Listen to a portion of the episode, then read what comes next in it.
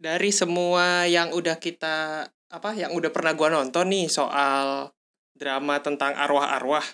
Sebenarnya ini tuh konsepnya agak beda ya Ren ya. Iya bener-bener seru sih. Awalnya tuh gue pikir bakal jadi drama yang heavy dan sulit dimengerti. Ternyata enggak loh kalau kita ngikutin flow-nya tuh justru kayak menarik banget premisnya. Ini baru kalau buat gue itu baru banget.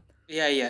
Dan apa namanya kan kalau kita nonton drama yang isinya arwah, terus orang yang udah mati, hantu-hantu gitu sebelumnya Hmm. tuh selalu digambarkan dengan si para arwah ini tuh serem-serem gitu atau memang Iya, wujud mereka pada saat setuju. mereka mati gitu kan pada saat mereka meninggal seperti apa yang mungkin matanya nggak Hmm. ada terus atau badannya tangannya putus atau apa gitu badannya udah nggak utuh gitu Mm-mm. kan tapi ini tuh ditunjukkan dengan wujud manusia utuh yang punya emosi dan juga eh, bisa melakukan kegiatan seperti manusia hidup gitu Iya ya melakukan kegiatan ya daily life gitu loh kayak kita aja. iya dan kayak sebenarnya di awal tuh gue sempet perasa aneh sih Hmm. dari sejak gue melihat kayak ini desa apaan sih kok bisa ada desa kayak gini terus juga kenapa si arwah ini bisa ngantuk bisa Hmm. merasa dingin bisa lapar bahkan mereka masak orang hidup bisa masak bisa makan masakan mereka itu tuh yang itu Hmm. aneh banget tuh buat gue Hmm. awalnya kayak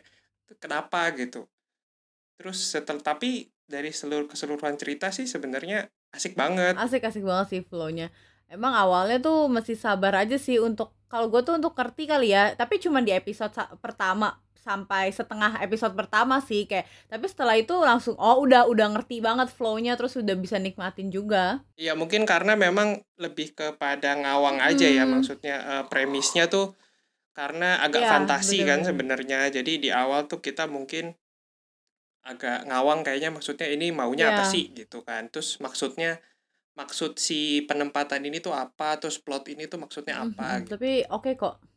Eh, sebelum kita masuk ke obrolan intinya, selamat datang dulu nih di podcast Movie Stock ya, masih bareng gua Krisna dan juga As ada always. Lauren seperti biasa. Dan kita kasih tahu dulu kali ya Mm-mm. judulnya ya untuk eh, kita masih balik lagi ke drama Korea kali ini yang judulnya Missing the Mm-mm. Other Side gitu kan. Betul. 이번 정류장은 도운 마을입니다. Eh, gua gua kasih sedikit sinopsis dulu ya sebelum kita ngobrol sesuka perut kita. Iya ya, biar ngerti. eh jadi kan di di awal itu kita dikenalkan dengan sosok yang namanya Kim Ya, Wook Kim ya, si cowok. Ini yang dia tuh kerjanya sebenarnya nipu orang Hmm. kan gitu. Tapi tujuannya tuh baik gitu. Jadi dia tuh kayak bikin semacam perusahaan kecil-kecilan gitu sama temen masa kecilnya yang sama-sama tinggal di orphanage panti gitu ya apa sih namanya panti Mm. asuhan ya Kim Nam Guk sama Lee, Lee Jong Ah gitu Mm. kan jadi mereka bertiga nih eh, membuat perusahaan tipu-tipu gitu lah tapi untuk tujuan yang baik di mana kayak ngambil balik lagi uang yang udah diambil preman gitu loh Mm. dari orang kecil gitu Mhm. kan tapi seiring berjalannya waktu tuh mereka harus kayak berhubungan atau terlibat sama yang namanya perusahaan besar Choi Song Construction Heeh, kan? sama yang itu gak sih yang frozen food akhirnya- itu? Eh, apa sih frozen yang import-import itu loh.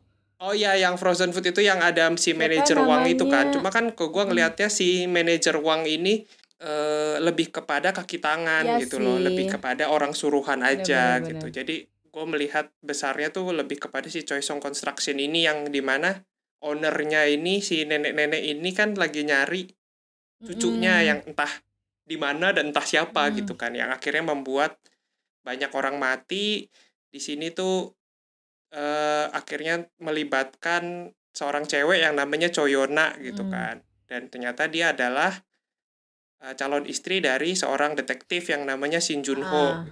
Pokoknya semua case-nya tuh relate deh gitu kalau di drama ini. Mm-mm. bahkan sampai akhir tuh yang kayak kita mikir ini mulai mikir ini siapa sih sebenarnya cucunya tuh ternyata dihubung-hubungkannya tuh bisa sampai segitunya iya, gitu. makanya. Nah terus eh, ada lagi eh, karena kasus yang pencarian apa namanya ahli waris ini akhirnya entah kenapa membuat si Kim Wook itu bisa ngelihat arwah gitu ya kan dan ada satu orang bapak-bapak gitulah yang namanya Jang Pansuk itu juga bisa lihat arwah kita juga awalnya nggak tahu kenapa dia, dia udah bertahun-tahun tinggal di desa yang isinya arwah Hmm. ini dan jadi kita di awal tuh diceritakan kalau di dalam ada suatu desa yang isinya arwah-arwah orang yang hilang gitu kan hilang yang jasadnya nggak ditemukan lah sampai saat mereka ada di tempat itu gitu. Hmm, tapi awalnya sendiri si Kim Wook ini kan masuk ke desa itu juga kayak nggak sengaja kan. Tadinya kan dia memang dikejar-kejar manajer Wang eh, yang suruhannya Choi Song Construction itu karena dia sebagai saksi pembuktian penculikannya si Choyona ya Mm. walaupun dia belum tahu kan Iya, iya. cewek itu tuh siapa tadinya tapi dia cuma ngeliat ada perempuan yang diculik ya dia kan emang orangnya kayak Justice- iseng aja gitu Justice kan Ya, banget gua- gitu ya orangnya. Iya ya keadilan banget terus gua rekam ketahuan lah si bego ini Hmm. kan ketabrak pokoknya lari terus akhirnya eh pas dia mau menyelamatkan diri dia jatuh Iya, lah dari iya, iya. jurang diselamatin sama si Jang Pansuk Ajusi Iya, gitu iya. kan nah awalnya tuh gua ngelihat ini eh, si Ajusi ini punya niat buruk atau enggak ya gitu atau dia tuh apa gitu Apalagi mukanya tuh agak-agak serem gimana banget. gitu kan sebenarnya Iya, kan. iya. Parah-parah creepy banget. Terus oh tapi pas udah pagi tuh kayak oh baik sih ngasih makan, ngasih ganti baju gitu tuh. Oh berarti kayaknya eh, harusnya nggak terjadi sesuatu sih. Cuma gue masih agak seuzon sih sama karakter dia di awal-awal Iya episode iya ya. bahkan gua pun maksudnya kayak eh ya mungkin karena perawakannya dia ya yang apalagi di awal tuh kan Iya, dia parah. ketus kan terus kayak sinis gitu kan ke Hmm. Kim Wook gitu jadi kita mikir apa nih orang ada maunya ya apa dia sebenarnya juga orang jahat gitu kan jadi agak-agak mikir ke Hmm. sana gitu jadinya tapi sebenarnya gua eh, menunggu-nunggu banget ya drama ini tidak lepas karena yang main adalah An So Hee gitu Ah. kan dan gua kan memang sudah suka banget An So Hee dari sejak dia di Wonder Girls Hmm, gitu hmm. dan bisa ngelihat di sini An So Hee jadi orang hacker gitu jadi hacker bisa ngerakit komputer sendiri tuh ya Allah kayak dream- dreams come true Yang gitu walaupun menurut gua ah, gampang banget ya nyari informasinya se apa ya kayak segampang itu nyari data pribadi orang gitu kan langsung dapet itu kan kayaknya ya agak ini kayak kurang make ditunjukkan sense ya sebenarnya. eh, betapa kayak terlalu ditunjukkan betapa mudahnya dunia eh, teknologi, teknologi, terus sosial digital, media gitu-gitu uh-uh. tuh bisa ditembus dengan gampang kalau sama orang yang memang ngerti Eh, gitu kan. makanya kayak gampang banget dia nyari sesuatu dari ya teknologi itu gitu kan tapi ya karena gue emang pengennya juga happy ending sih sebenarnya jadi gue senang-senang aja sih dengan alur cerita yang kayak gitu. Ya meskipun di endingnya pun ya ya nantilah belum kita belum sampai ke sana lah gue nanti. juga ada Ya, pembahasan ada sesuatu lah pokoknya di iya, endingnya iya, gitu. gue juga ada pembahasan sih untuk ending. Terus ternyata si Kimuk ini nggak sengaja lah pas lagi nyari dompet sama jam tangannya kan kalau nggak salah. Terus jalan-jalan ketemulah sama si desa itu kan desa yang untuk para arwah Duon Bon. itu tapi ya dia nggak tahu itu kan arwah kan dia cuma tuh eh ada kafe nih gitu gue cuma mau ngopi segala macem nah awalnya tuh gue bingung loh kenapa yang lain ngelihat dia tuh kayak apa ya kayak aneh Iya, gitu kan yang kayak orang aneh gitu Mm. kan. Apalagi pas dia kayak nunjuk-nunjukin ke si bapak-bapak itu kan si Kejang Pansok kalau eh, dia tuh bisa ngelihat desa itu tuh si Jang Pansok itu bingung Hmm. kan kayak Hah, lu bisa lihat juga gitu kan. Terus ya inilah ya kayak apa namanya dia juga ngobrol sama orang-orangnya itu sampai itu sebenarnya eh, starting bukan problem juga ya starting apa ya ceritanya tuh dari dia nolongin satu anak kecil yang ada di desa itu Hmm, ternyata ya anak kecilnya itu sudah meninggal gitu hmm, dan yang namanya handel-handel itu ya. handel-handel itu eh, terus kayak akhirnya ditemuin ya jasadnya kan pergi lah ya ke surga gitu Mm, Mis- mm, eh, mm. ibarat katanya Tapi sebenarnya kan. ya, gue ada sedikit eh, penasaran, bukan penasaran, pertanyaan sih. Kayak kan Kenapa, di kenapa? kan kita diceritakan pada kasus Coyona ini Hmm? yang diculik yang dilihat Kimuk itu kan dia setelah meninggal itu kan muncul dari sebuah pintu ya rahasia gitu kan yang di Iya, dalam kafe Hawaii kan. Tapi Heeh. tapi kalau ingetan gua nggak salah, Mm-mm.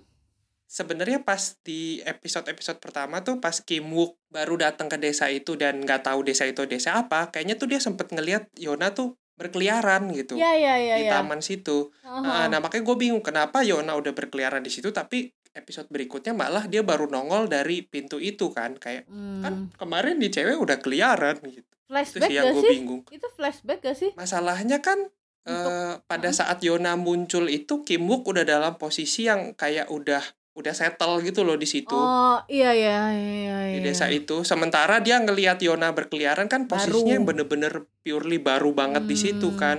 Karena dia ngelihat cewek kebingungan jalan-jalan terus dia bingung tuh cewek ngapain sih? Gitu kan. Hmm. itu sih yang makanya gue bingung kenapa scene-nya kayaknya nggak nyambung ya. Terus toh nggak nggak dijelaskan juga kalau itu tuh flashback gitu loh. Hmm, iya iya iya benar juga sih. Soalnya kan semua kalau awalnya dari pintu itu harusnya kan ketemu Thomas kan. Mm-mm. Pasti kan ketemu Thomas gitu loh.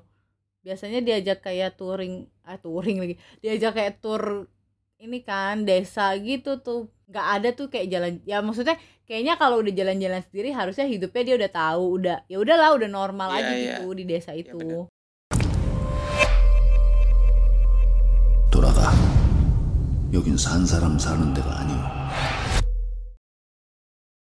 Dan kalau ngelihat karakter si Thomas ini sekali lihat pun kita tahu ya, nih orang nih kayaknya udah lama banget nih di desa ini nih. Iya, gue sempet seuzon sih sama karakter Thomas kayak kayaknya ada something behind gak sih gitu dari Karena di awal dia yang kayak ini ya, apa kayak jahat gitu kan ke Kim Wook Iya, kan. misterius banget soalnya gitu kan. Kayak misterius deh gitu. Jadi gue ngerasa kayak hmm, kayak ada plot twist deh dari karakter itu. Walaupun ternyata nggak ada sih. Sampai ending dia baik beneran ya. Iya. Gue salah ternyata banget. memang dia itu kayak apa eh apa ya ngomongnya ya? Eh, tentara kemerdekaan, Ah, kebebasan Korea gitu-gitu kemerdekaan kan. gitu pokoknya. lah. Kayak dia udah 100 tahun lebih di situ yang kayak buset dah. Lama banget dan gue sempet lama banget tuh berapa episode gue mikir ini kalau dia memang udah 100 tahun di sini kenapa rambutnya blonde gitu loh Hmm. maksudnya ini kan dia orang Korea Hmm. dan udah 100 tahun dan lu pejuang kemerdekaan gitu Hmm. kenapa rambut lu pirang Hmm. gitu tuh kalaupun lu ngewarnain rambut lu karena kan alisnya hitam ya Hmm. Eh kalaupun lu ngewarnain rambut lu siapa yang ngewarnain gitu lu dapat bahannya dari mana gitu itu itu yang sempet gue bingung dan tapi ternyata di belakang belakang Jawab. terjelaskan Iya. kalau awalnya rambutnya hitam gitu kan terus sempat ada hairstylist gitu yang meninggal dan jadi arwah di situ terus eh, dia minta dicatin lah gitu Hmm, rambutnya hmm, hmm.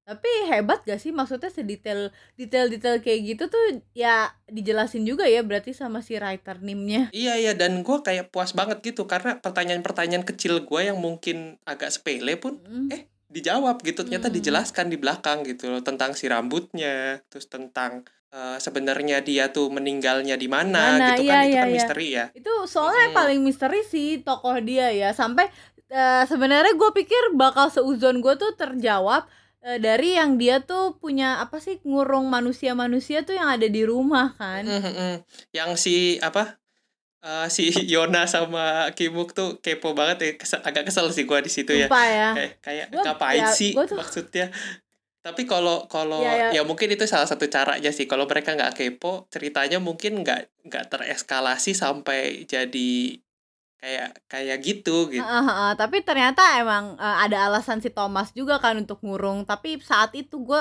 gue benci banget sih sama Choyona tuh di awal-awal episode dan sampai di situ kayak aduh ini apa sih? gitu. Lu tuh kayak cari masalah chaos dan segala macem gitu. While kayak apa tunangan lu tuh nyari lu tuh sampai mampus gitu loh. Kayak nggak ketemu temu kan. Ya kayak Susah. spoiled bread gitu kan. iya gitu. Tapi lu tuh kayak nyusahin bisa nyusahin lah ya dia udah mati. Heeh, udah nggak bisa terima lu mati sekarang. Apalagi puncaknya kekesalan gue sama Choyona itu adalah ketika dia ngebebasin si penjahat itu yang dikurung sama Thomas ya kan? Demi keegoisan Iya, iya, untuk iya, ngasih iya. tahu si Shin Junho kalau dia tuh ketemu si Choyona tapi eh, setelah gue pikir-pikir ya sebenarnya dari situ tuh membuat Shin Junho itu percaya kalau ini tuh kayak masuk eh, apa ya masuk akal dan antara nggak masuk akal juga gitu Mm. jadi kayak karena udah mulai ada beberapa orang yang Betul. mulai ceritain tentang hal yang sama gitu Betul, ngeliatin betul. arwah gitu Uh-uh. karena kan kalau Kim Wook doang yang Uh-uh. ngomong nggak ada yang percaya Nggak ada yang tuh percaya gitu. gitu. apalagi menurut gue juga ada setengah-setengah salah Kimwook karena dia nggak pernah ngomong dia masih hidup juga sama Choyona gitu. Iya iya makanya. Jadi kayak dari situ gue pikir oh ya udah jadi dampaknya pun eh, lumayan nih buat yang lain juga kan. Jadi si detektif Shin Junho ini kan sangat idealisme banget ya karakternya. Mhm. maksudnya kayak eh, susah gitu untuk kita tuh jadi kayak di ah, maksudnya jadi teman jadi partner terus kayak nggak percayaan. Even though kayak sama si eh, si finance lagi fiance gue jadi salah ngomong sama sama fiancenya itu kan Choyona juga awal-awal kan kayak sering berantem, kayak kurang romantis, sibuk Mhm. gitu kan. Kayak lu tuh terlalu take it for granted. Akhirnya ya pas fiance lu meninggal itu baru lu kayak sedih. Meskipun gitu. dengan mata yang super sipitnya itu ya si Iya, iya, detektif iya. ini ya, yang sungguh sungguh kalau kadang-kadang ngelihat dia nyipit-nyipitin tuh dia kelihat pasti bisa ngelihat gak sih itu kayak matanya kok kecil banget Eh, gitu. tapi gue suka loh sama dia apalagi ketika dia tuh ditampilin pakai seragam. Waduh gila ganteng banget sih sumpah. Daripada Oh yang Mm, waktu kayak datang ke itunya Choyona Iya, ya. iya, ke apa sih kayak art museum something Ke gitu lah. gitu Ah, kan. galeri. Gue gue demen banget sih sama dia. Cuma sebenarnya ya ada eh apa eh, pertanyaan atau informasi yang sebenarnya ada beberapa yang gue tidak terjawab sampai Hmm, akhir. apa tuh? Kayak contoh sebenarnya ini kan kita diceritain soal gue gue balik sedikit ke Jang Pansok ya. Iya, boleh. si bapak-bapak creepy itu kan yang dia sebenarnya kan sudah bertahun-tahun bersepuluh tahun lah di desa itu sambil nyari anaknya yang hilang gitu kan Hmm. diculik orang Hyunji. si apa Jang Hyun Ji Hmm. gitu kan nah tapi eh, memang diceritakan dulu tuh dia orang kaya gitu loh Ya, kayak kayak mungkin lah ya. eh, tim tim leader Hmm. ya atau direktur di suatu perusahaan shipping gitu kan dan abis itu dia mungkin mengundurkan diri untuk nyari anaknya gitu tapi nah semenjak 10 tahun di desa Duon Hmm. itu nggak pernah terjawab sebenarnya dia kerja apa dia nyari duit dari mana Iya, gitu. iya. kenapa dia bisa makan enak terus kenapa dia bisa wifi. eh, ke mana-mana Mm-mm, bisa pakai bisa bayar wifi bisa fotokop apa ngeprint itu Eh. lem- selebaran-selebaran setiap hari Iya, gitu iya, iya, iya, itu maksudnya nih du, lu duit dari mana gitu maksudnya apa lu investasi saham apa Iya, gimana iya, nggak iya, tahu iya. kan gitu Gue juga mikir hal yang sama sih, karena itu juga jadi cuk- eh, pertanyaan ya buat gue gitu. Nah, Ajusi ini dapat duit dari mana untuk menghidupi kebutuhan dia sehari-hari selama ya 10 tahun ini gitu loh. Karena nggak terjelaskan juga dia kerja apa. Mm-mm. Bahkan sampai akhir pun nggak terjelaskan bahkan eh, lebih parahnya lagi adalah sampai terakhir justru pertanyaannya muncul. Jadi sebenarnya selama ini Jang Pansok kita kan nggak tahu dia kerja apa ya. Heeh. ditambah datangnya Kim Wook di situ yang jadi parasit kan. Iya, iya, di numpang rumahnya kan. Jang Pansok itu. Iya, dan dia lebih nggak kerja apa-apa lagi. Kayak iya, ini iya, iya, iya. satu orang aja udah aneh gitu bisa hidup di situ. Ini berdua lagi kan. Mesti kasih makan dua orang gitu. Iya, iya, iya, iya, bener-bener. Ini duit dari mana sih munculnya? Apa mereka nyetak sendiri apa gimana gitu? Gue pikir cuma gue yang ber eh, gue pikir cuma gue nih eh, yang ngira kalau ke si Kimuk tuh parasit banget udah numpang di rumah orang etikanya juga gak sopan-sopan amat ya kan sama Ajusi ini gitu. Pulang pulang pergi sembarangan gitu loh pe- kelebihannya Kimuk ini kan cuma dia pembela keadilan kan. Sisanya kan dia parasit. Either dia minta tolong sama Jong Ah, minta tolong sama polisi. Iya. Pokoknya dia nggak bisa apa-apa lah gitu. Iya, kalau nggak ya i- sama si Jang Ajusi ini juga kan dia banyak minta tolong juga gitu loh. Mm-mm. Makanya Yang kayak lebih lebih kayak parasit yang memang cuma punya jiwa keadilan aja gitu. eh, nanti juga even though dia minta tolong sama Thomas Nah, kan itu. yang yang arwah gitu loh. Ya kayak minta So tolong sama Thomas, terus bahkan kadang-kadang dia tuh minta tolong sama arwah yang lain. Bahkan Heeh. dia tuh beberapa kali tuh kayak harus ditolong sama Bumsu ya, Iya, yang sebenarnya agak Bumsu. agak kurang gitu kan, agak keterbelakangan mental ya, gitu. betul betul. Lu se- segitu gak berguna aja hidup lu. Ya, heeh. Terus udah gitu, tapi menurut lu ya, eh, menurut lu sendiri tuh eh, si ibu siapa Kim Hyun Mi ini kan ternyata turns out jadi ibunya Kim Wook yang dulu kan masih muda gitu. Menurut lu agak aneh gak sih kalau eh, kan pas dia flashback tuh sebenarnya mukanya kan iya. sama ya. Masa eh, dia tuh baru realize gitu kalau ini tuh ibu gue dari si Leontin itu gitu. Sedangkan kalau dari flashback sama masa kini kan ya emaknya tuh nggak jauh beda lah nggak ada mukanya, ya ada berubah sama aja. sekali malah kan dia jadi arwah dari sejak Iya kan? mukanya se- kayak gitu. Oh, oh iya, muda kan.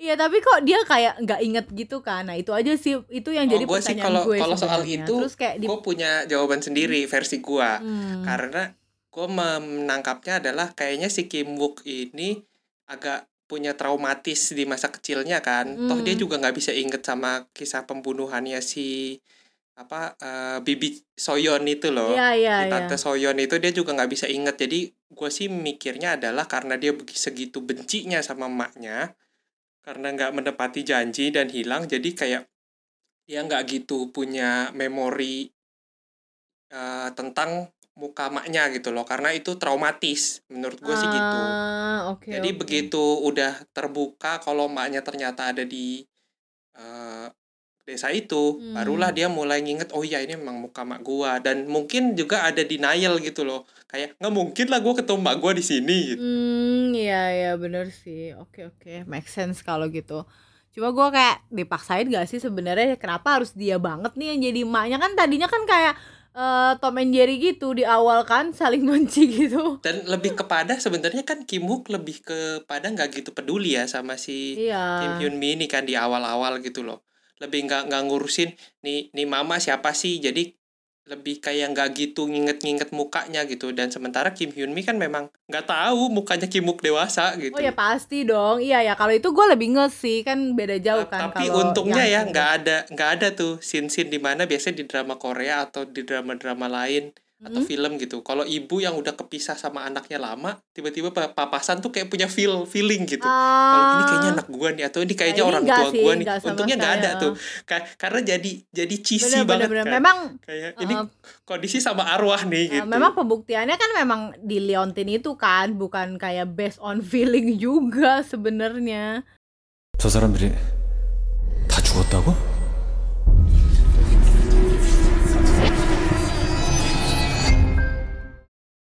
Eh, nah, cuman gue juga punya seuzon lagi nih sama satu karakter gila banyak banget ya. Dan ternyata Emang karakternya memang di banyak yang diarahkan untuk kita jadi suuzon Iya, iya. Gua dan juga banyak, ternyata tuh aja. tidak terjawab juga gitu di akhir yaitu sama si nenek itu pimpinan Choi Song Oh si apa? Construction. Kar- Ma- siapa Madam Han, eh, nenek. Madam Han ya. Iya, iya, Madam Han. Karena gue pikir tuh justru dia adalah dalang di balik semua pembunuhannya itu dia, bukan eh, karyawannya gitu. Ternyata memang ya ternyata karyawannya kan. Dia tuh malah nggak tahu apa-apa. Itu gue kayak Iya iya iya. wow. Salah lagi. Kan dia sampai akhir tuh sepolos itu gitu kan maksudnya.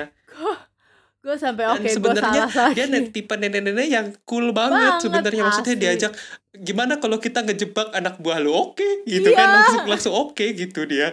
Yang dia stay cool aja gitu. Tapi memang di awal sangat dilihat karena mungkin dia tipenya ignorant ya mungkin sama orang asing Iya. gitu kan. Jadi kita ngelihatnya lebih kepada eh, mungkin dia punya rahasia tersembunyi apa gitu. gue pikir yang kayaknya bunuh mamanya Kimuk tuh dia justru dalangnya gitu. Tapi ya mungkin dia eh, suruh orang aja gitu kan eh, untuk bunuh gitu. Tapi dalangnya tuh dia nih kayaknya. Ternyata enggak salah gue. Iya iya iya. Eh, apa Ya, sotoy gue banget. gue gue sih nggak sampai mikir kalau dia yang bunuh mamanya Kimuk gue cuma berpikir oh, gue kayaknya mikir dia sih. dia terlibat dalam serangkaian orang-orang mati nih gitu orang-orang itu meninggal. juga itu juga. Pokoknya eh, pokoknya otaknya tuh kayak dia gitu. Sama gue juga salah ekspektasi. Kan dia tuh punya tiga karyawan kan. Hmm, apa sih direktur? Tiga direktur Lu ya. direktur ya tiga Han sama Lee Dong Min itu Hmm. kan. Yang satu kan akhirnya eh, kayak di backstep sama Ya, yang satunya gitu. Nah sisa gitu dua kan. nih. Eh, sisa dua. Nah gue pikir tuh yang bakal jahat tuh yang direktur Han Sanggil yang manggil yang ngajak minum si Lee Dong Min kan. Ya karena Kayak, memang karakternya sengak-sengak gimana gitu kan. Ah ternyata gue salah lagi. Tapi gue sih udah nge eh, kalau itu tuh Lee Dong Min enggak sih memang memang clue-nya menunjukkan sekali kalau itu Lee Dong Min gitu loh yang pada saat si Kim Ya. itu inget kan ngelihat apa tampak belakang dari Orang. orang, yang ngebunuh si Soyeon gitu kan memang itu Mhm. Lee Dong Min sekali gitu nggak bisa nggak bisa jadi orang lain gue bahkan bisa jadi kesel gitu loh kalau ini tampak belakangnya Lee Dong Min banget tapi begitu nanti di akhir ternyata bukan dia gitu kan kan, kan Hmm. apa misleading gitu loh tapi karena memang memang udah kayak udah nggak usah ada twist twist lagi gitu soal soal si Lee Min ini Iya ya, tapi tuh ternyata eh, motifnya juga cukupin ya. Gue pikir tuh kayak ada motif yang apa ya lebih lebih berat gitu loh kenapa dia bunuh-bunuhin si orang-orang dari orphanage ini gitu ternyata kayaknya cuma Iya, iya. Memang harta aja gitu. iya ternyata kayak cuma harta serakah sama menurut gue dia tuh kayak menghalangi gue dan itu kayak ya elah basic banget ya gitu Iya, iya. Cuma memang haus harta dan kekuasaan aja. Iya, ternyata kayak ini. gitu aja, nggak ada alasan yang gimana banget. Terus kayak anjim sih, kayak sia-sia banget Tapi hidup memang itu orang. itu alasan yang paling bisa bikin orang gelap mata gak sih? Ya tapi kan sia-sia banget kan. Harta maksud tahta gitu kan. Ya dari Renata. Ya. Nah itu belakangnya tuh bisa diisi sendiri tuh beda-beda tuh. Nah ternyata kesalahpahaman si Lee Dong Min adalah karena Choyona itu pakai kalung ya. Dan ternyata bu bukan gitu kan. Ternyata adalah itu kalung yang dikasih sama Shin Junho. Dan Hmm. sebenarnya itu adalah eh, clue kecil yang gua nggak notice sampai akhir. maksudnya? Maksudnya gua nggak ngeh kalau clue kan sebenarnya kita tuh ditunjukkan fotonya Soyeon itu berkali-kali loh, Hmm. ya kan? Iya ya, Dan gue juga nggak fotonya tuh sih. fotonya tuh cuma satu, nggak pernah ada foto Soyeon yang lain Ya, gitu. Dan, bener, dan bener, dia bener, pakai bener. kalung itu kan, di mana si fotonya Yona juga pakai kalung itu dan gua nggak pernah Iya, ngeh iya. kalau itu adalah kalung pada saat si Shin Junho itu ngelamar Yona gitu. propose. Iya, gue juga nggak nggak sampai akhir itu loh. Itu detail yang kecil banget tapi diperhatiin loh sama si Mm. eh, writernya ya, hebat loh. Dan sebenarnya kita berkali-kali dikasih eh, detail itu, di- dikasih clue Ih, itu karena berkali-kali tuh Iya. kayak begitu ada fotonya Zoy- Soyeon di zoom gitu kan, begitu ada fotonya Yona terus Hmm. kayak Lee Dong Min sempet kayak ngeliatin fotonya Yona lama atau Shin Jun Ho ngeliatin fotonya Yona lama gitu kan, tapi kita nggak ngeh. Ya, gue juga nggak ngeh itu sampai akhir detail kecil itu sangat miss sih.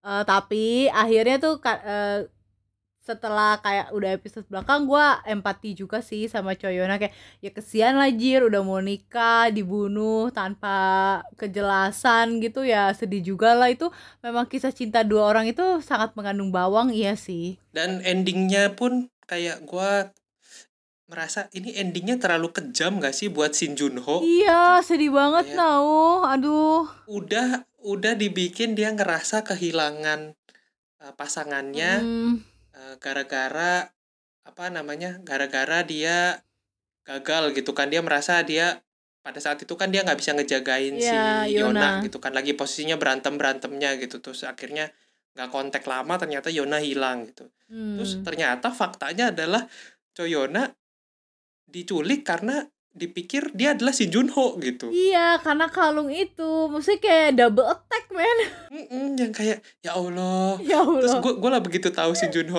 cucunya langsung kayak astaga ini gimana ini rasanya maksudnya ini pasangan gua dikira Ah. gua terus dia jadi Iya, iya, dibunuh itu gitu loh kejam gara-gara gua gitu gara-gara dikira gua gitu ya, ya, kan emang eh, eh, ya te- terlalu nggak happy ending sih buat dia. Gue juga kayak, aduh please lah sutradara kasih satu lah yang agak bagusan gitu loh. Kesian banget saya double attack gitu loh di endingnya. ya sampai akhir tuh gua udah udah mikir kayak kalau udah kayak gini lu mau manis-manisin di akhir iya. juga apa apalagi yang bisa Soalnya nolong si udah kita Junho tuh gitu sebagai loh audiens juga nontonnya udah pedih gitu gak sih cuy kayak udah udah maksudnya udah berbulan-bulan sampai lewat hari pernikahannya baru ketemu mayatnya ya kan? Baru jelas lah gitu kok dibunuh dan sekian-sekian terus dibunuhnya tanpa sebab. Udah gitu dibunuhnya karena dia yang ngasih salah salah Ah, salah bukti lah ya. gitu. Hah. itu kayak anjing. Aduh. Ya meskipun dikasih manisnya dia cucunya neneknya tuh tetap tidak bisa membuat Iya nggak nolong nggak sih nolong sampai gitu akhir sih loh nggak gue nolong. tuh ya udah Nggak gitu dia Lu mau- dia pun nggak jadi cucu mau jadi anak konglomerat juga Iya. nggak nolong gitu karena lu juga nggak kenal gitu sama Iya, nenek iya. lu. maksud gue dia pun nggak jadi cucunya si nenek itu juga ya so what gitu dia juga ada emaknya yang ngurus dia dari kecil anyway kan maksudnya nggak nggak yang gimana iya. banget nggak turns out jadi bahagia juga aduh tai banget sih emang Iya benar sih. sedih gue Meskipun ya eh, sangat disayangkan menurut gue Hmm. pribadi nih scene yang hari pernikahannya si Junho dan Choyona yang si Junho itu tiba-tiba datang ke bukit bunga-bunga itu. ya ya aduh sedih Terus banget Choyona duduk di sebelahnya Hmm. itu nggak gitu kena di gua. Hmm. Mes- Mm. meskipun scene itu sedih tapi maksudnya gue tuh nggak sampai gimana sedihnya ngeliat scene itu malah gue lebih sedih pada saat scene perpisahannya Jangmi oh itu tuh se- sedih banget Iya, tuh iya, buat iya. gue Yang Mi tuh sedih loh yang ya yang sampai dia bagi-bagi apa Bunga. vas bunga terus lagi dorong sepeda tiba-tiba sepedanya eh tiba-tiba dia hilang gitu kan Mhm. itu sih itu le- lebih impactnya lebih dapat di gua itu dibandingkan yang mereka nangis berduaan tuh Shin Junho sama Choyona di bukit bunga itu Ya ya ya ya ya, gue juga sih.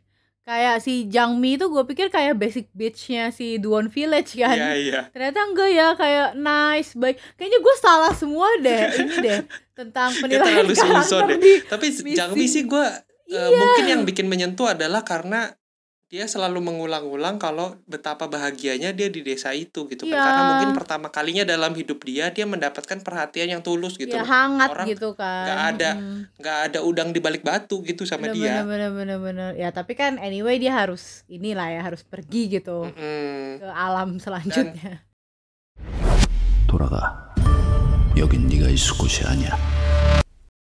gue terima kasih banget sama sutradara dan para writernya Missing the Other Side ini karena ya ada jawaban soal Bumsu ya Ya Itu betul tuh betul betul. sangat penasaran kenapa Sama. Bumsu bisa ada di situ siapa sih yang berani yang maksudnya tega-teganya nyakitin anak baik kayak gini Iya, tapi akhirnya terjawab gue juga puas sih itu kayak Mm-mm. akhirnya. yang kayak kita nggak dikasih clue itu maksudnya eh sempat dikasih clue sih yang Bumsu tiba-tiba nyebut nam angka plat mobil kan pada Mm, saat pesta-pesta itu tapi yang kita nggak ngerti itu apaan dia nyebut-nyebut apa gitu kan ternyata clue itu tuh jauh di belakang di episode belakang-belakang itu dijelaskan kalau itu adalah mobil yang Tabrak lari dia, ya. gitu kan. Hmm. Terus tapi gue mikirnya adalah Bumsu kan badannya gede ya. Hmm. Berarti ini yang nabrak dia kan repot banget nih mesti ngangkut si Ya, ya, Bumsu ya, ya, terus mesti di- ngubur dia Ah. kayak hidupnya berat nih kayak jadi orang yang ini yang nabrak si Bumsu sampai meninggal. Mhm, tapi dia kayak ya lucu aja sih buat pemanis juga kan. Eh sama ini gak sih eh, yang Thomas kan ada berita tuh bahwa kayak ketemu eh, mayat dari pejuang kemerdekaan di sungai apa gitu kan akhirnya. Nah terus Thomas tuh Mm, di Am Amnok River tuh Iya, gue iya sampai kan? nyari loh. Juga Amnok kepo. River tuh di Korea gue juga Utara. kepo. Soalnya kan Ah, si iya, iya. Kimuk kan si Kimuk sempet ngomong, "Kenapa lu matinya di sana sih? Iya, Gue kan iya. gak bisa ke sana." Terus udah gitu dia balas kan, iya ya kenapa sih harus di apa di separate gitu Korea terus gue langsung mikir, wah gue kepo nih, jangan-jangan adanya di Korut, makanya kayaknya impossible banget untuk menemukan itu kan mayatnya dia. Ya dan dan kayak dikasih scene ada tentara gabungan Persatuan Korea Mm. gitu kan yang tiba-tiba nemuin jasad banyak gitu di suatu tempat. Kayak bisa gitu kepikiran mencari jalan keluar kayak gue udah gak kepikiran lagi gimana ya cari jalan keluar si Thomas ini gue bahkan sempet berpikir kayaknya kayaknya si Thomas nih pasti bakal Iya. lama deh di situ bakal Gue selamanya deh juga maksud gue, siapa yang bakal ya, nyari maksud gitu gue kayak hmm, gimana ya, kayak kesian aja gitu kan. Maksudnya mereka udah ditemuin, masa dia harus apa ya, kayak nggak adil aja gitu loh, nggak happy ending. Eh ternyata oh wow keren juga nih sutradara sama writer name-nya tuh ada ini ya apa solution untuk every karakter yang meninggal ini gitu. Mm, mm, mm. Bahkan dikasih untuk Thomas tuh kayak dikasih special scene gak sih? Karena dia tuh menghilangnya kayak spesial sendiri masuk ke dalam Nah kamar itu gitu loh. kayak open ending kak dia tiba-tiba kayak senyum natap kamera terus udah gitu masuk ke kamar ya kita tahu lah mungkin itu buat kita kan ya udah hilang gitu kan bagus sih Hmm. bagus perpisahannya Ya, tapi lebih kayak dikasih spesial di saat yang arwah-arwah yang lain tuh menghilangnya ya gitu Iya, aja gitu. bener-bener. Tapi untuk Thomas nih kayak dikasih ada sedikit didramatisir gitu. Hmm. Dan tapi jadi membuat malah makin strong gitu kan. Mhm. Cuma dengan eh, drama ini cuma 12 episode, jadinya padet banget ya ceritanya ya. Iya tapi gue suka sih Ya maksudnya kita nggak dikasih nggak dikasih plot lowong, napas ya di- dikasih plot lowong yang Hmm. mungkin isinya cuma ngobrol-ngobrol eh, kosong gitu. Jadi semua obrolan mereka ya tuh ada bisa sih jadi clue gitu. Yang Hmm. kadang-kadang mungkin kita pun nggak notice gitu kan. Mhm. Yang sampai bahkan kode kecil soal adiknya Lee Jong Ah yang mau jadi Idol. eh, K-pop Hmm. idol pun di akhir pun dikasih itu loh penjelasan gitu kalau dia udah recording gitu makanya udah gak Iya kerja di iya situ ya, lagi padahal kita pun juga kayak oh ya udah gitu kan nggak terlalu yang kayak nggak gitu nggak peduli, gitu, kan juga.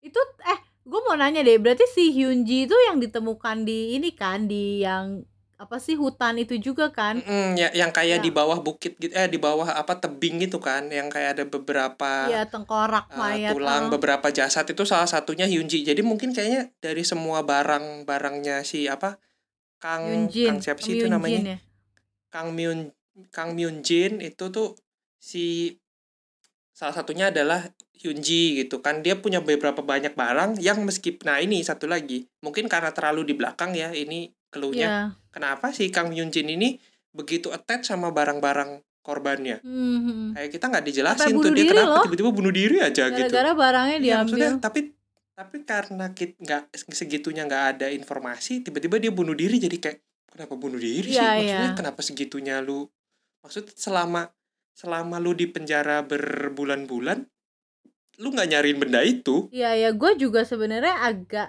eh gimana ya eksplorasi karakter si Kang Myun Jin ini jadi ag- agak kurang ya kayak kenapa dia bunuh relatednya apa apakah emang pure psycho aja mungkin Mm-mm. atau apa gitu loh itu agak kurang di atau dia ngelihat sebenarnya ngelihat barang-barang yang dia suka dia pengen punya Ah, iya, iya, dari iya. anak-anak atau orang yang dia uh, bunuh Bunuh, gitu kan. Itu tuh nggak pernah jelas tapi memang dari awal maksudnya gua nggak gitu nggak gitu mendesak soal penjelasan si Kang Iya Myung Jin ini karena sih. dari awal memang kita di kita dikasih tahu karakternya Kang Myung Jin ini memang dia kagak mau cerita apa-apa ya gitu terus emang kayak ya udah psikopat aja gitu loh Iya, even polisinya pun gak tahu apa-apa. Apalagi kita penontonnya orang polisinya juga nggak Iya. tahu apa-apa. sampai polisi yang gemuk itu yang temennya si Shin Jun Ho kan ini yang suka tidur Iya. kalau lagi investigasi sampai kesel kan.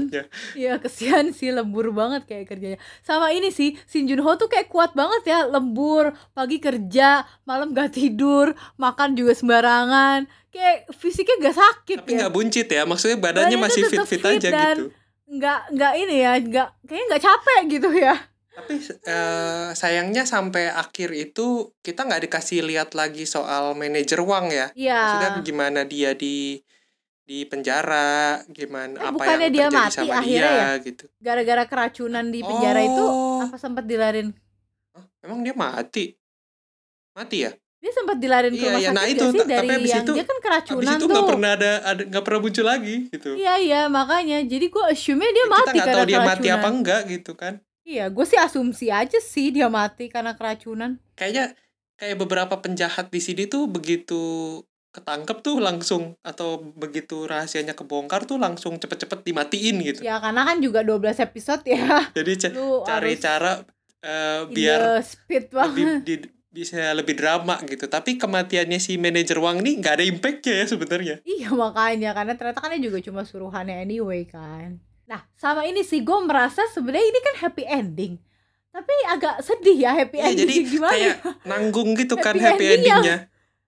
Sad juga gitu, sedih juga gue. Ya agak-agak Karena nanggung kayak gitu. akhirnya itu, mm-mm. Eh, meskipun gimana ya ini happy ending yang ah gue nggak bisa bilang ini happy ending juga happy ending sih tapi kayak ngatung gitu loh di mana eh si Junho ke- kenal sama jadi tahu sama neneknya tapi kehilangan orang yang dia cinta. Gue sih mending pilih Si- Choyona sih. si, si siapa? Si Kim Wook eh, bisa kenal sama nyokapnya sampai akhir sampai bye bye tapi habis itu nggak bisa ngelihat desa itu lagi gitu kan. Ya. Terus si Jang Pansuk sama. da- dapat informasi soal anaknya setelah bertahun-tahun tapi anaknya mati ternyata gitu. Iya kayak aduh ngenes banget coy semuanya tuh. Kayak kayak nggak ada yang bahagia gitu. Yang bahagia eh Lee Jong aja kayaknya. Ya dia emang ini kan apa namanya ya udah gitu kan uh, feel free ya.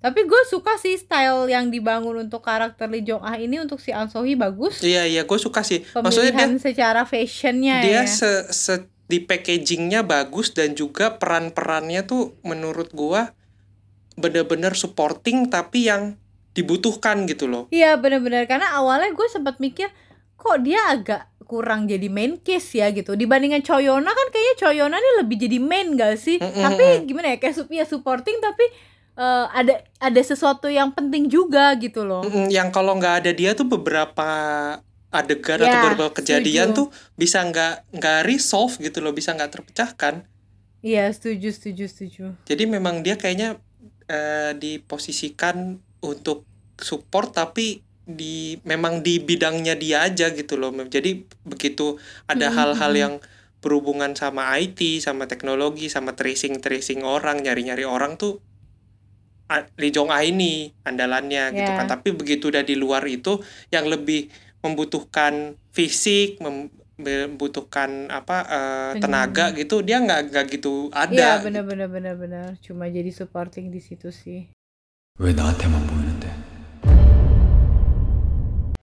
Hmm, overall sih gue sangat enjoy ya sama drama ini. Maksudnya kayak eh, udah pack juga gitu. Cuma 12 episode gak terlalu yang apa? Gak terlalu panjang lah ya untuk elaborasi ceritanya tapi sing kayak padat dan cukup jelas gitu di sini. Bagi gue detail-detailnya pun tersampaikan sih. Jadi gue sangat enjoy ya untuk Iya, iya. enjoy banget sih gue nonton Benar, ini benar. kayak pas eh, episode terakhir tuh kayak sedih gitu. Ya ampun abis deh hiburan gue. Eh, gua gua nggak kalau gua lebih ngerasa ini fresh karena beberapa kali kan nonton drama yang isinya ada arwahnya, Iya. ada orang meninggalnya gitu kan.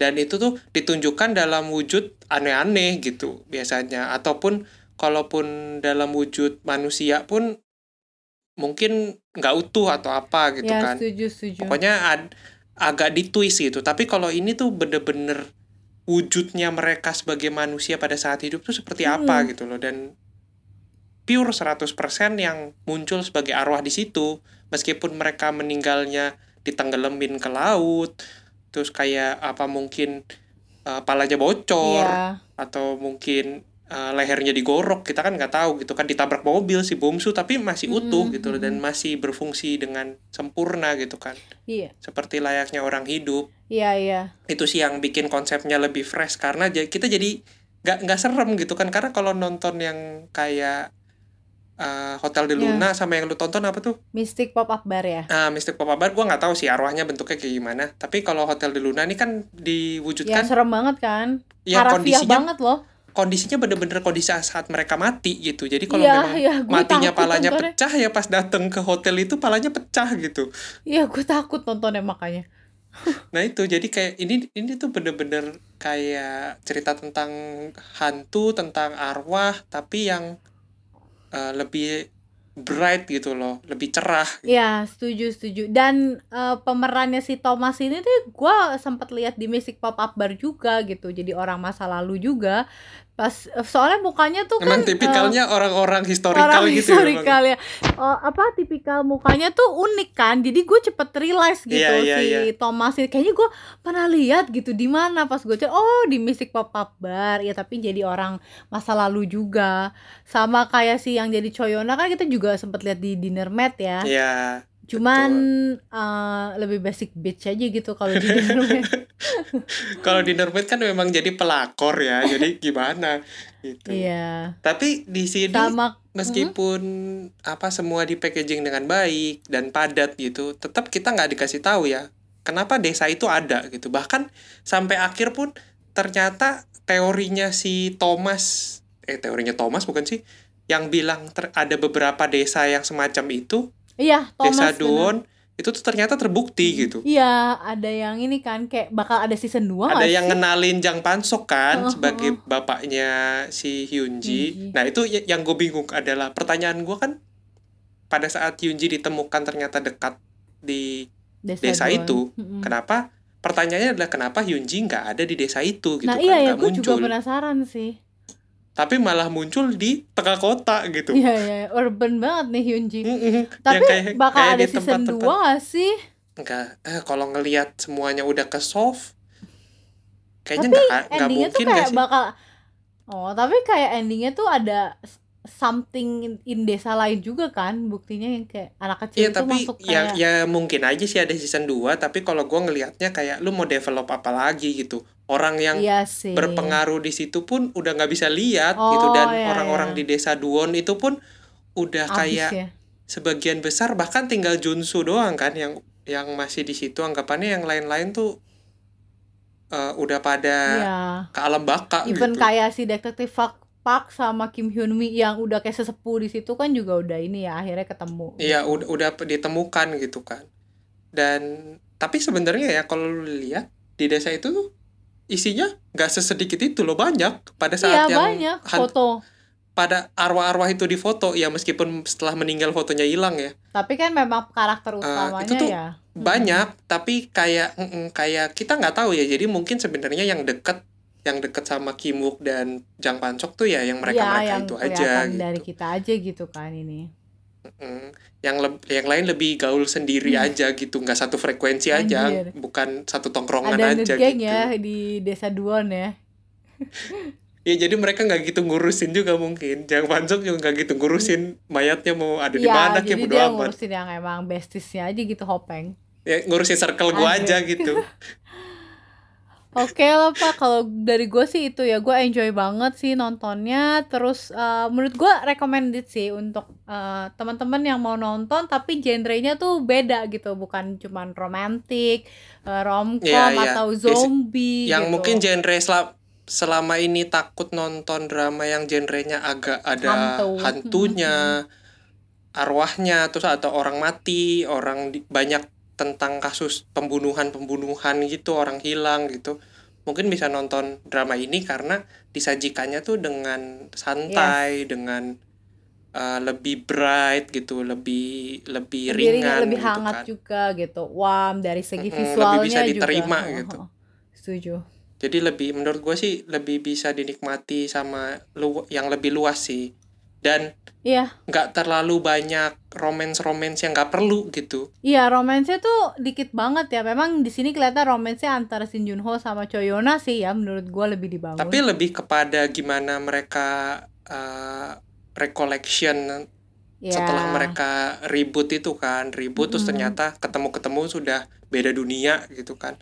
Iya, Jadi bukan lebih gimana mereka berkomunikasi antara yang satu arwah dengan satu manusia hidup lebih ke situ sih. Iya, bukan gua romance yang cheesy lah ya. Bahkan menurut gua kayaknya ke belakang itu Lee Jong Ah sama Kimuk bakal ada romansnya tidak terjadi gitu. Iya, ya, gue juga kan apakah mereka cinlok tapi enggak deh, kayaknya cuma partner. Tapi memang ya memang childhood friends aja gitu. Heeh, partner yang Mereka bertiga. udah heeh, udah ini sih udah jadi besties banget lah kayaknya nggak ada develop develop kayak gitu. Memang dari tengah pun gue sudah sadar ya ini mah nggak bakal lah arahnya ke sana. Iya, nggak ada sih arah ke sana. Jadi memang lebih kayak brother and sister aja gitu kan. Mm-mm. Paling itu sih menarik sih buat gua eh, ini dan ringan gitu semua meskipun mungkin genrenya agak semi-semi fantasi tapi semua scene-nya tuh kita bisa terima gitu loh. Kalau gitu paling segitu dulu ya untuk episode Mm-mm. kali ini Eh, kita udahan dulu. Jangan lupa follow, Follow Instagram IG. kita di podcast Movie Stock Betul, betul. dan dengerin lagi episode-episode kita selanjutnya.